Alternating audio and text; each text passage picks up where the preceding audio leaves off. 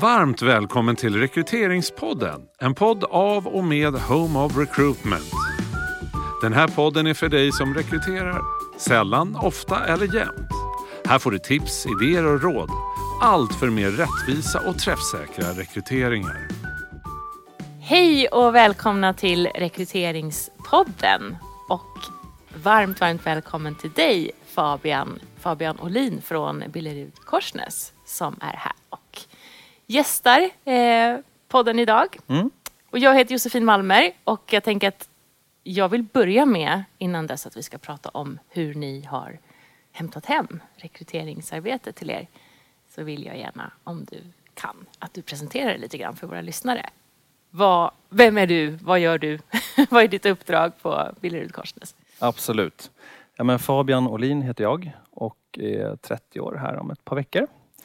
Grattis i Eh, förskott! Tack så mycket. Får se hur vi firar det nu i de här tiderna. Men eh, nära och kära förhoppningsvis. Ja. Utomhus. Eh, nej, men jag jobbar ju då med, eh, har jobbat med rekrytering, employer branding, liksom in-house som konsult egentligen till och från på lite olika sätt sedan 2011. Och i botten är jag utbildad civilekonom, mycket med fokus på organisation. Men har känt att liksom, rekrytering är någonting jag har fastnat för eh, ända sedan då jag fick in en fot som student. Jag jobbade extra med rekrytering så att det är någonting jag verkligen brinner för. Och eh, sen jag började då på Billerud Korsnäs för ungefär två och ett halvt år sedan så, så är mitt ansvar egentligen att få oss som bolag att attrahera och rekrytera de bästa personerna. Och det, då gäller det att vi har en bra process, vi har bra liksom, mallar och stöd både till HR till chefer. Och vi, liksom, vi, vi ska vara bra på rekrytering egentligen.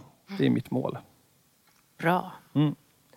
Låter som att vi har många gemensamma intressen. Det tror jag absolut. Och mål. Ja. Helt klart.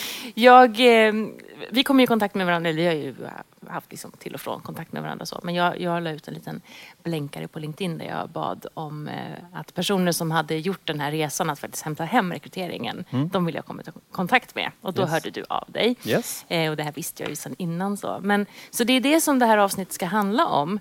Och eh, min första fråga till dig blir varför? Varför valde ni att hämta hem rekryteringen så som ni nu har gjort? Jag vet att ni har gjort ett business case. Du är ju, vi satt ju och snackade här innan, Mm. du är liksom business case. business case. Precis. Men eh, berätta lite kort hur ni, ni räknade på det här. Exakt. Absolut, och jag var inte med när man gjorde det här business case utan det var egentligen min nuvarande chef och vår HR-direktör som gjorde själva caset. Precis, du är resultatet av caset. Så Exakt, kan man säga. så kan man säga. ja. Helt klart. Och Eh, nej, men traditionellt sett så tror jag inte bara hos oss utan generellt sett så är ju HR kanske har varit ganska dåliga på att sätta siffror på saker. Det har varit mer mjuka värden när det kommer till HR och det var samma sak för oss. Vi gick runt och liksom trodde att vi spenderade mycket pengar på rekryteringspartners och kände att vi väldigt ofta fick vända oss externt så fort det blev lite en svårare specialist eller chefsrekrytering. Eh, men istället för att gå runt och tro saker så, så försökte man, eller man ville få fram fakta istället. Så det man gjorde då var att man räknade, hur mycket, liksom räknade på hur mycket vi spenderar på externa partners. Eh, och fick man fram en, en kostnad där. Eh, och gånger då såklart antal rekryteringar man gör. Hur många gör vi själva? Hur många behöver vi gå externt och göra? Och sen så, så gjorde man ett business case av det helt enkelt. Och egentligen om man tar den summan idag som vi lägger på externa partners, vad kan man få för de pengarna istället om man väljer att göra det internt? Satsa på inhouse-rekrytering. Eh, och det som business caset visar då egentligen var att man skulle kunna anställa två stycken talent acquisition partners, eller intern rekryteringspersoner. Och dessutom utöka samarbetet med, eh, med LinkedIn och liksom den plattformen egentligen. Eh, Och det skulle ändå bara vara en del av kostnaden som man hade för externa partners. Och det är egentligen den hårda delen. Och sen gjorde man också en SWOT-analys. Vad gör vi bra idag? Vad skulle vi vilja göra annorlunda? Vad skulle kunna finnas för andra fördelar att ta ett större grepp kring rekrytering internt? Ehm, och där såg man potentiella fördelar med en tydligare koppling mellan rekrytering och employer branding. Man skulle förmodligen kunna få till en bättre rekryteringsprocess, en bättre kandidatupplevelse. Ehm, man skulle också kunna bygga pipeline på ett helt annat sätt än när man går via partners. Ta bättre hand om tvåorna, treorna eller de som inte är riktigt perfekt just för den här rollen men kanske för någonting annat. Mm. Man vet att det behovet kanske kommer framöver. Så man gick egentligen från en upplevd känsla till att göra det konkret. Så det var det man gjorde. Mm. Och det här såldes sen in då till VDn. Att man först skulle anställa en person som testa, prova, utvärdera Och om det visar sig framgångsrikt så skulle man kunna anställa en till. Mm. Så det var själva caset. Det var själva caset. Och jag Mm. tycker det är så befriande att höra att det var med risk för... Mm. Absolut, jag menar inte att, att det var ett enkelt, eh, ett, ett enkelt jobb att få igenom det här. Det var säkert en massa liksom, tuffa och, och liksom jobbiga saker i det. Men, men att den här själva hårda delen som ni räknade på Mm. egentligen inte var svårare än att man slog samman. Ja, men hur många rekryteringar gör vi och vad Mm. kostar en sån i snitt när vi Mm. lägger den externt? Ja. Och den summan man fick där, liksom Mm. använde den och utgick från att ja, det här är vad vi kan spara. Precis. Så. Men vi är ett ganska stort bolag och det är väl det som hänt att när Billerud Korsnäs slogs upp 2012 så blev man ett ganska stort bolag men Mm. man kanske hade processer som var mer för ett mindre bolag eller ett mellanstort bolag. Men nu när vi är då närmare 5000 anställda så, så gör vi en hel del rekryteringar. Och i och med att vi har både våra pappersbruk men också kontor runt om i världen, i USA, i Kina, vi har bruk i Finland och England och kontor i Europa, liksom lite överallt. Mm. Så, så, så gör man en hel del rekryteringar och vissa blir väldigt kostsamma eh, att göra externt. Så det var egentligen ganska enkelt att, att visa på oss vad det kostar att vi borde göra det här själva Mm. i större utsträckning. Mm. Så himla bra. Mm. Och jag tror att många tänker att man skulle behöva göra det liksom ännu mer avancerat och större och titta på liksom, ja, men, alternativkostnader Mm. och hur många timmar investerar cheferna i varje rekrytering. Och, liksom att man, och det är ju såklart eh, inte fel att göra så, men att man kan göra på det här sättet också. Eh, och, och utgå från det. Det är jättevettigt. Yes. Yes, bra. Okej, så business-caset eh, resulterade i dig, eh, Mm. kan man väl säga då. Typ så. Typ så. Ja. Man rekryterade in en talent acquisition eh, specialist, Mm. som du är. Och vad har du då gjort i det här? Liksom, hur har ni gått tillväga för att eh, få allt på plats? För att leva upp till För att leva förväntningarna. upp till Mm. dessa förväntningar. Eh, nej men, eh, innan jag började och innan själva TA-funktionen startades så har man ju fortfarande såklart jobbat med rekrytering eh, i, i många år, eller för alltid, på olika sätt. Och det har varit väldigt mycket HR-chefen eller HR business partners tillsammans med cheferna då som har gjort de här rekryteringarna lokalt. Ehm, och eh, det är ju då de gångerna man kunnat lägga ut en annons och fått ett, liksom ett ansökningsflöde, då har, det förmodligen gått vägen. Men i allt högre utsträckning så räcker ju inte det utan man behöver jobba mer proaktivt och det är där skon har klämt egentligen. Mm. Och ehm, det jag insåg då när jag började, när jag kom in i min roll och hade som uppdrag att liksom, nu ska vi se över vår rekryteringsprocess. Det var att jag behövde lära, jag var ju ny, jag hade ingen aning, så jag behövde ju lära känna processen och lära känna hur vi jobbade. Så jag hade massor med intervjuer eller möten med, eh, med både HR-kollegor och chefer runt om, både på våra bruk i Sverige och utomlands. För att få en känsla av okay, hur jobbar man med rekrytering idag? Vad funkar, vad funkar inte? Och det, jag kommer ju från, också från, från konsultsidan och där har man ofta väldigt väl etablerade processer. Så jag hade ett tydligt processtänk ut hur jag ville kanske, eller tänkte att det skulle se ut. Mm. Eh, Men det var ganska tydligt tycker jag att, eh, att man inte riktigt följde den process som fanns. Och man, man hade mallar men man liksom följde inte riktigt mallarna som fanns utan man, man gjorde lite egensnickrade mallar för de var lite krångliga eller de var, hade kanske inte nått ut hela vägen. Så det blev tydligt att vi behöver göra om mallarna. Vi behöver göra om liksom de liksom stöden som finns för HR för chefer och göra dem enklare så att de faktiskt används. Mm. Ehm, Så det var egentligen bland det första vi gjorde. Eh, Och det var också väldigt stora skillnader i förväntningar på vad chefen ska göra och vad på HR ska göra. Så på vissa bruk så gjorde HR nästan allting. Okej. På andra bruk så gjorde cheferna nästan allting. Och mer försöka hitta en gemensam linje. Okej, hur vill vi att det ska vara? Vad ska en, liksom en modern HRBP jobba med? Hur mycket ska den göra administrativt? Eller liksom vad? Så det var också väldigt mycket i det här arbetet att ta fram förväntansbilden. Mm. Så att processen rekommenderar eh, hur, liksom, hur vi bör jobba i varje steg i rekryteringen. Sen så kommer det aldrig se exakt likadant för det, det finns kulturella skillnader, det finns liksom saker som kommer göra att det ser lite olika ut. Men i, i den mån det går ska vi försöka jobba likadant såklart. För man hade i alla fall då, om jag förstår det, Mm. samma typ av system i alltså på de olika sajterna. och I så. Sverige, I Sverige, eh, ja. absolut. Och även till viss del eh, på vissa av våra bruk, eh, bruken i Finland England hade man samma Mm. rekryteringssystem. Mm. Så förutsättningarna så, eh, såg likadana Ja, ut? egentligen. Sen så gjorde man ju inte riktigt samma ändå. Man, vissa la ut alla annonser via systemet och vissa gjorde inte det och så Mm. vidare. Så det var lite olika. Eh, Och nu håller vi faktiskt på och ska implementera ett nytt rekryteringsverktyg som blir globalt för hela vår verksamhet nu om ett par veckor i juni. Ehm, så, att, ehm, så då blir det ännu bättre. Mm. Men i alla fall, så vi gjorde nya mallar för, liksom, för intervjuer, för kompetensbaserade intervjufrågor där vi bakar ihop det tydligare med våra, liksom, våra tester som vi jobbar med. Eh, så man både kan få hjälp med att välja kompetenser och sen också kunna plocka ut intervjufrågor som baseras på kompetenserna. Eh, det var mallar för referenstagning egentligen. Gjorde, vi såg över och gjorde om det mesta. Mm. Vissa grejer skrotade vi gjorde helt från scratch och andra finslipade vi bara för de var ganska bra från början. Så vi gjorde om och liksom tillsammans, jag och här, jag hade som ett projektgrupp med, med HR-kollegor från de olika bruken, så tog vi fram och gjorde om rekryteringsprocessen så att den blev lite mer up to date och modern Mm. utifrån hur vi kanske vill jobba.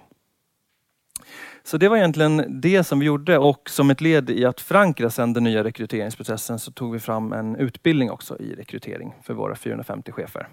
Eh, som, ehm, egentligen där vi började med att intervjua 40 chefer från både chefer över tjänstemän och chefer över kollektivanställda från alla våra bruk. För att få en tydlig bild av men vad kan ni idag? Liksom, vad skulle ni vilja lära er? Vad är viktigt när det gäller rekrytering just för dig? Och fick fram en väldigt tydlig bild att ja, knappt några hade fått utbildning i rekrytering tidigare. Det var en av 40 som Mm. sa att de hade fått någon form av formell utbildning.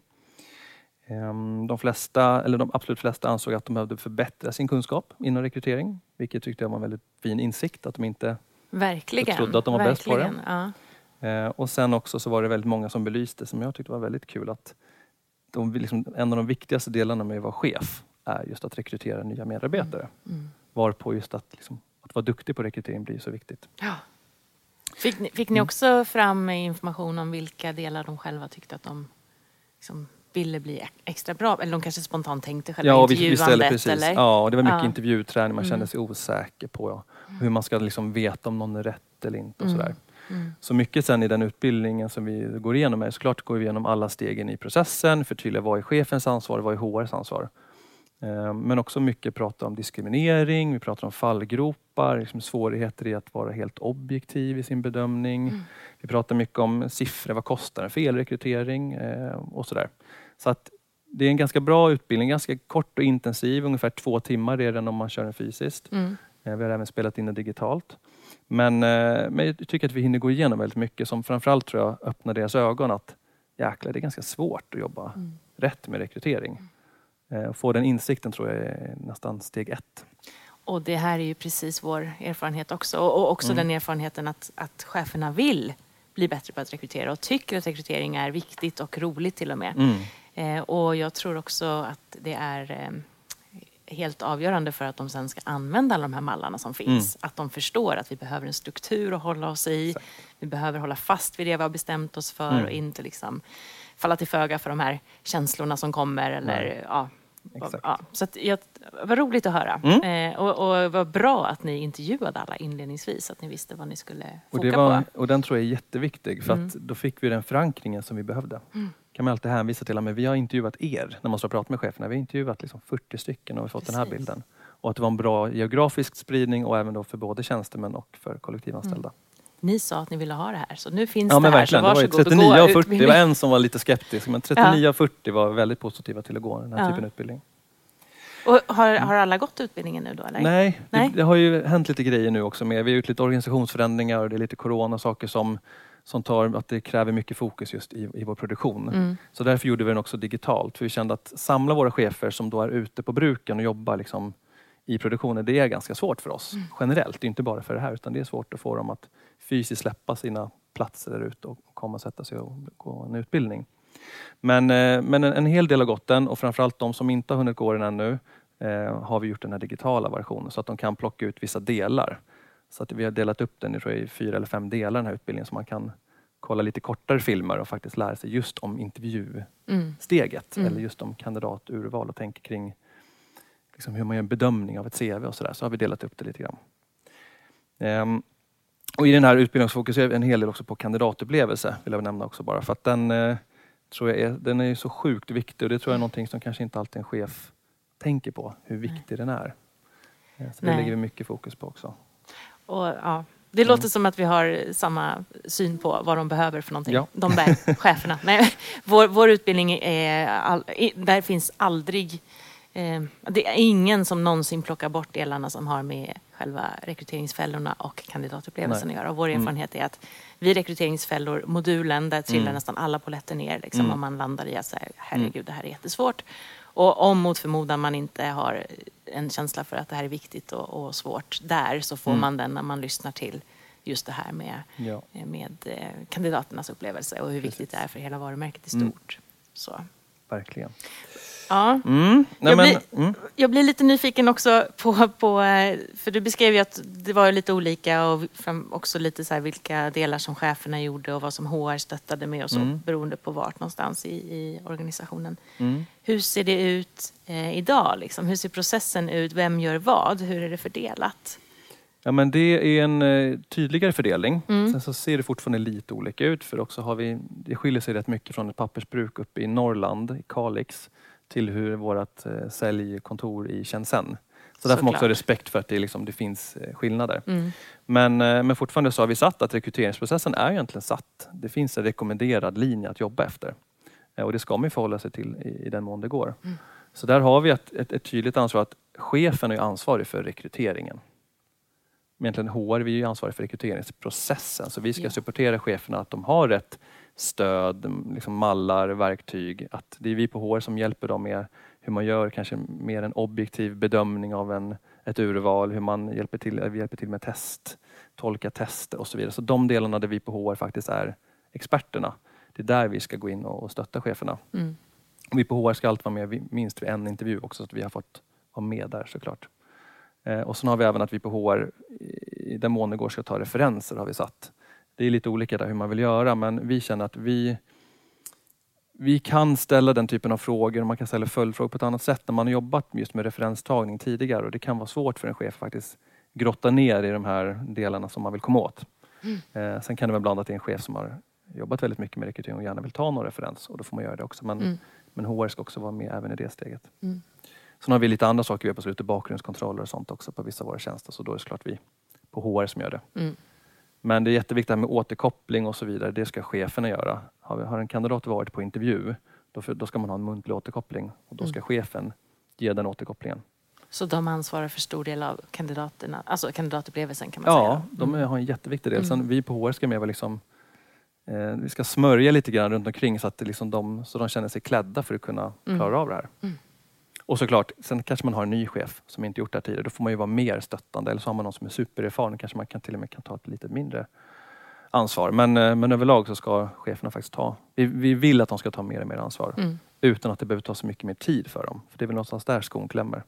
Exakt. Eh, Och det handlar någonstans om att jobba likadant i processen för att förenkla. Bra. Mm.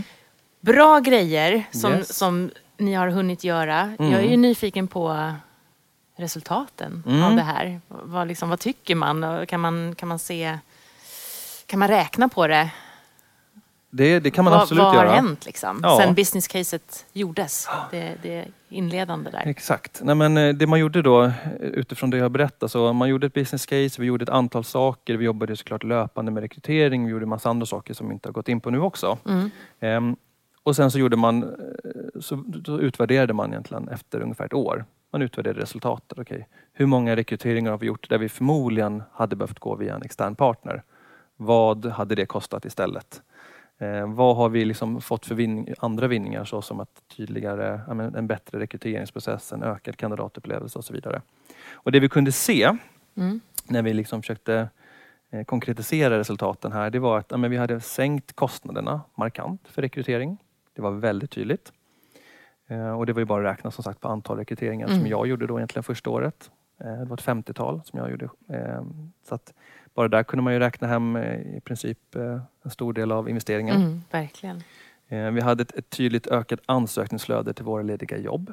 Okej. Eh, och även via LinkedIn i och med att vi hade utökat det samarbetet med Mm. karriärsida och hela den. Eh, såna spindlar som når ut till liksom, proaktivt till, till folk och så. Är, är det Ja. Mm. analysen till varför det blev... Alltså är, är det LinkedIn-samarbetet tror du framför allt som har ökat inflödet? Ja, alltså, absolut en, en hel del. LinkedIn Ja. har en stor del av de vi försöker nå ut till finns ju på LinkedIn. Så absolut eh, så har det gjort det. Men sen också den här tror jag, proaktiviteten, att vi jobbar på ett annat sätt och att vi då internt inom TA, vi jobbar ju väldigt proaktivt och kontaktar folk. Mm. På LinkedIn eller på andra sätt via tips. Och det har man inte gjort tidigare överhuvudtaget. Så det är ju också tror jag ringa på vattnet. Mm, helt klart. Ehm, och så att, eh, som sagt ökat ansökningsflöde. Vi har fått ett starkare employer brand och vi har liksom haft en positiv trend i den typen av mätningar som vi gör. Vi har fått en, helt klart en bättre kandidatupplevelse. Och det är nog både för att cheferna har blivit bättre och förstår vikten av att faktiskt ge återkoppling och att man gör det på ett mm. schysst sätt. Men också att vi har gjort om våra mallar till exempel. Mm. Så våra automallar, både när man, tack för din ansökan-mallen har vi gjort mycket mer personlig eh, och även nej tack-mallarna som man får om man kanske inte har fått komma på intervju. Och jag har fått väldigt mycket fin feedback på dem att men typ, Stort tack, liksom, det var det bästa svarsmejlet jag mm. fått fastän jag vet att det är ett automatiskt mejl. Ja. Och då blir man väldigt glad och då blir man samtidigt lite konfunderad. Varför gör inte alla så här? Ja, det är en investering på en halvtimme. Ja. Och sen så, ja, det är så lite som mm. krävs för att göra dem där mer personliga och liksom att verkligen. de verkligen ja, men känns mm. eh, bra. Så det kan jag verkligen rekommendera till alla som lyssnar och som jobbar med just rekrytering. att Ändra om mallarna så att ni verkligen visar bara uppskattning. Stort tack för att du valde att söka till oss. Vi uppskattar verkligen att du har investerat liksom din tid och energi och, och söker just till oss. För det är ingenting man ska ta för givet. Bara det lilla gör jättestor skillnad. Mm. Har, har, ni mätt, förlåt att jag mm, ställer frågor mitt mm. i din genomgång här, men har ni mätt kandidatupplevelsen? Nej, Nej det har ni inte gjort. men Nej. det är på gång. Ja. Men vi har valt att vänta då tills vi har det nya rekryteringssystemet på plats. Okay. Mm. Så att vi mäter samma sak. Mm. Så vi har en, liksom en förberett eh, egentligen, enkäten som kommer skickas ut i mm. olika steg i processen. Så det är egentligen nästa steg nu så fort vi har nya Bra. systemet på plats. Då så det blir kommer det ännu vi göra. tydligare. Men ja. då, då, det här baseras då på er upplevelse ja, av deras upplevelse. Man ska ja, säga. Exakt. Ja, Men överlag så har vi feedbacken ni har fått. Och vi har liksom. feedbackat varandra lite internt mm. så att när vi får den här typen av svar så skickar vi gärna runt det bara för att visa att mm. det, och då blir det ganska många som hör av sig just kopplat till mallarna och säger tack för ett väldigt fint trevligt mejl. Mm. Och det har man inte gjort tidigare för vi hade betydligt torrare mejl tidigare. Mm. Som De här som ligger som standard? Lite så, absolut. Mm. Eh, så att nästa gång jag kommer hit så då kan jag prata om just kandidatupplevelsen och effekterna där. Ja, det blir bra. Um, och sen har vi fått nöjdare chefer, känner vi personligen. Uh, vi känner att våra chefer har mycket bättre koll på rekrytering. Mm. Det är ingenting vi kanske kan mäta heller men det är liksom en upplev, upplevd känsla som mm. vi har inom bolaget. Vi har också jämnare kvalitet jämfört med våra partners, känner vi i rekryteringarna. Och också så har vi blivit mycket bättre på att bygga, liksom, bygga de här pipelinesen. Så vad gör man med tvåorna och treorna i en process? Mm. För ofta har man ju kanske tre bra kandidater men man behöver välja en. Mm. Vad gör vi med tvåan och trean? Eller vad gör vi med sexan och sjuan som kanske inte var just rätt för den här rollen men jäklar vad de hade kunnat vara bra för en annan roll. Exakt.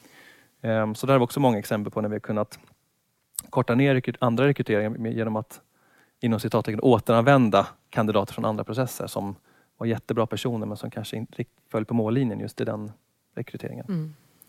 Så det är väl egentligen det här, men det är, så att det är en blandning av det man kan visa mer eh, hårda grejerna, det vill mm. säga att sparat pengar, fler som har sökt och så vidare. Eh, och även då mer mjuka delar som kandidatupplevelsen och nöjdare chefer och sådär. Ja. Wow, jättehäftigt. Ja. Jättemånga fina resultat. Du det... har ju redan börjat lite grann eh, beskriva vad ni, för jag förstår ju att det här mm. är det händer saker eh, hela tiden mm. eh, för att förfina det här och utveckla det ytterligare. Eh, nytt system om två mm. veckor och börja mäta kandidatupplevelser och så. Vad mm. mer tänker du? Eh, så, vad skulle du vilja? Det mm. kanske inte är riktigt förankrat än men Nej. jag vet ju, vi har ju snackat lite innan ja. här. Vad, vad tänker du framåt? Precis, ja, men vi gick ju från att vara då en och sen eh, en inom central TIA till att bli två. Uh. Så nu är vi två stycken centralt där vi har delat upp då lite grann att båda jobbar med rekrytering och employer branding. Men det är en som har mer det strategiska ansvaret för employer branding en mer för rekrytering. Mm. Ehm, men det som är svårt när man sitter centralt och stöttar sina kollegor både runt om i hela Sverige, på mindre orter och även liksom utomlands är ju den här proaktiviteten, att liksom bygga de här pipelinesen. skulle man ju vilja kunna göra ännu lite mer. Och jag tror, min personliga reflektion eh, är att eh, ja, men saker och ting förändras ju. Det är det enda som är konstant. Mm. Så självklart kommer liksom, hur vi jobbar kommer också att förändras. Och min personliga reflektion är då att eh, jag tror att en, en, väg framåt, och framförallt om vi fortsätter växa, eh, och om, om det fortsätter just de här svårigheterna i att eh, attrahera och rekrytera, om det fortsätter nu framöver, så, så skulle det vara väldigt fördelaktigt att bygga någon form av eh, TA-struktur och talent acquisition-personer som jobbar runt om egentligen lokalt. Så om vi nu är centrala TA så har man då eh, lokala rekryterare som jobbar då med det här proaktiva, att hålla de förutsättningslösa intervjuerna, att verkligen bygga det här nätverket redan från universitetet till, eh, liksom, till att följa med dem ut i arbetslivet. Eh, och det tror jag skulle vara en väldigt stor vinning för då har man ju bättre koll just på sin lokala, Mm. eh, just inom Värmland eller just i, runt Gävletrakten eller var det nu är vi har våra bruk. Just det. Ja. Så den tror jag skulle vara väldigt fin och då skulle man kunna verkligen stötta HR så att våra HR business partners fortfarande jobbar med rekrytering men kanske kan fokusera mer på, på de delarna de är bra på. Och så vi, får vi riktigt duktiga specialister som jobbar just med, med rekrytering och employer branding. Eh, Så det tror jag skulle kunna vara en vinning men det, Mm. det är min personliga reflektion och det beror ju helt och hållet på hur det blir också framöver med arbetsmarknaden. Så att, ja, eh, så. precis. Där händer det grejer. Så Det det, får vi se. Men det låter väl klokt, tänker jag. Ja. Ja. Bra. Om det nu finns någon som lyssnar, vilket jag är hyfsat säker på, som går i de här tankarna och liksom, vi borde nog också Mm. ta det här steget att hämta hem rekryteringen. Du som nu har gjort det här, Mm. eh, vad skulle du ge för tips till den som lyssnar, som står inför det? Har du några sådana stalltips? Exakt. Jag är ju ett business case. Jag blev ju sen en till, så vi är ju två som sagt. Så Ja. att det var ju, visade sig ju framgångsrikt på så sätt. Nej men absolut så har ju vi, eh, det finns ingenting vi ångrar med att ta det inhouse. Det har egentligen bara haft positiva effekter och fördelar med hur vi jobbar. Men om jag skulle få välja tre saker så är det nog egentligen eh, ett, att ha koll på faktan. Mm. Så liksom räkna tydligt på kostnaden man har idag. Vad skulle man kunna få för de pengarna istället? Så som vi gjorde egentligen. Mm. Och sen också lägg till de mjukare delarna såsom en kanske bättre employer branding, eh, liksom varumärke, bättre kandidatupplevelse, kunna bygga pipelines, jobba mer proaktivt och så vidare. Eh, Så det visar ju på ytterligare mervärde. Mm. Så eh, ha koll på faktan innan man eh, föreslår att, att ta det inhouse. Och sen då när man väl har tagit det, liksom planerar att ta det inhouse, ha inte för bråttom. Nej. tror jag är jätteviktigt. Eh, förändring tar tid. Det är ofta svårt för HR motiverar liksom sitt värde i pengar för det är väldigt mycket mjuka värden kopplade till HR. Ehm, men se till att få förankring hos HR och chefer. Se till att involvera dem om man till exempel ska göra om rekryteringsprocessen eller göra om mallar och dokument. Se till att involvera folk. Ehm, såklart HR men också cheferna för då får man den liksom förankringen man behöver. Mm. Så förutom förankring får man även då liksom värdefull input också. Och så får man de här ambassadörerna som man behöver som känner att de har liksom varit med på resan. Ja. Så den, ehm, den är viktig för att det inte bara ska bli en skrivbordsprodukt. Och det sista då, eh, också för att knyta upp säcken, så visa upp resultat. Oerhört viktigt att visa upp hur det faktiskt går. Mm. Eh, För att visa sitt värde. Hur många rekryteringar har man gjort inhouse som annars skulle gått via en partner? Vad hade de kostat styck? Liksom? Eh, Där blir det ganska tydligt vad, vad alternativkostnaden hade varit. Och kan man visa på andra positiva effekter? Har man fått fler ansökningar på lediga jobb, fler följare på social media, kortare time to hire, liksom visa upp fördelarna med att ha TIA inhouse så kanske Mm. man får möjligheten att bli fler. Bra tips. Mm. Och jag håller med, eller vi håller med om, om alla tre. Och jag tycker det här tips nummer två är så otroligt eh, smart och eh, viktigt utifrån det som du säger, alltså förankra men också påbörja eh, utbildningen egentligen också. Det, det händer ju under tiden där när Mm. man involverar cheferna och nyckelpersonerna i, eh, i den här fasen. Liksom. Mm. Eh, så- Och det tror jag är just det steget, vissa kanske är bra på just att ta, ha koll på sin fakta och faktiskt kunna visa upp. Mm. Men just den här, de, de mjuka delarna, få med folk på resan. Mm. Det är det förändring handlar om. Ja. Eh, och det tror jag är det man kanske ibland glömmer. Och också det här att liksom få in deras ord Mm. in i det här som vi, HR-lingot är ju inte alltid så himla attraktivt Nej. för, för cheferna. Det, det visar ju det du säger också, att man, liksom, ja, man hade kanske inte riktigt eh, använt mallarna för man tyckte inte att de funkade. De stöttade Nej. inte fullt Nej. ut. Men får man in orden som används där ute i verksamheten och liksom, Mm. lyssnar in vad de verkligen har för huvudbry, Mm. då, då blir det också någonting som blir som så här, yes, här kommer Exakt. det. Någonting som verkligen Mm. stöttar och hjälper. Ja, men det finaste betyget som jag har fått är när man har hört chefer som har sagt att men jag har liksom gjort ut, eh, genomgått utbildningen som du har gjort och jag har lärt mig massor. Mm. Så bra. Ja, Det är bara, då sitter man och blir varm i hjärtat. ja. Och sen att de säger så här, och nu är jag så sugen på att göra Ja. annorlunda. Och så tar de tag i materialet som man har producerat och så känner de så här, yes, Mm. här har vi det. Nu kan jag göra annorlunda. Mm. Så att utbildningen liksom landar i att Mm. det faktiskt blir en beteendeförändring. Mm. Mm. Så vi, vi har ju kommit en bra bit på resan men vi har ju jättelångt kvar och framförallt så vår verksamhet är ju så, så speciell där vi har en stor del kollektivanställda på bruk runt om i Sverige eh, och så har vi säljkontor utomlands. Så det, det är liksom den vägen som vi kämpar med och att få det här nya HR-systemet Mm. som då från rekrytering till liksom anställning och lönerevisionen och performance och talent och alla de processerna i ett och samma system kommer underlätta för oss Ja. massor. Så det är hela den här digitaliseringen av HR som är på agendan för många bolag. Ja. Ja, men stort lycka till med det nu då också. Mm. Tack så mycket. Är om två veckor så Mm, då smäller det. då smäller det. Och jättestort tack för att du kom Fabian. Tack så mycket för att jag fick komma. Och för att alla våra lyssnare fick höra på det här. Ja, Yes. Toppen. Tack. Då så, tack tack. Du har hört en podd av Home of Recruitment. Om du vill komma i kontakt med oss, skicka ett mejl till info at homeofrecruitment.se. Podden är producerad av September Film.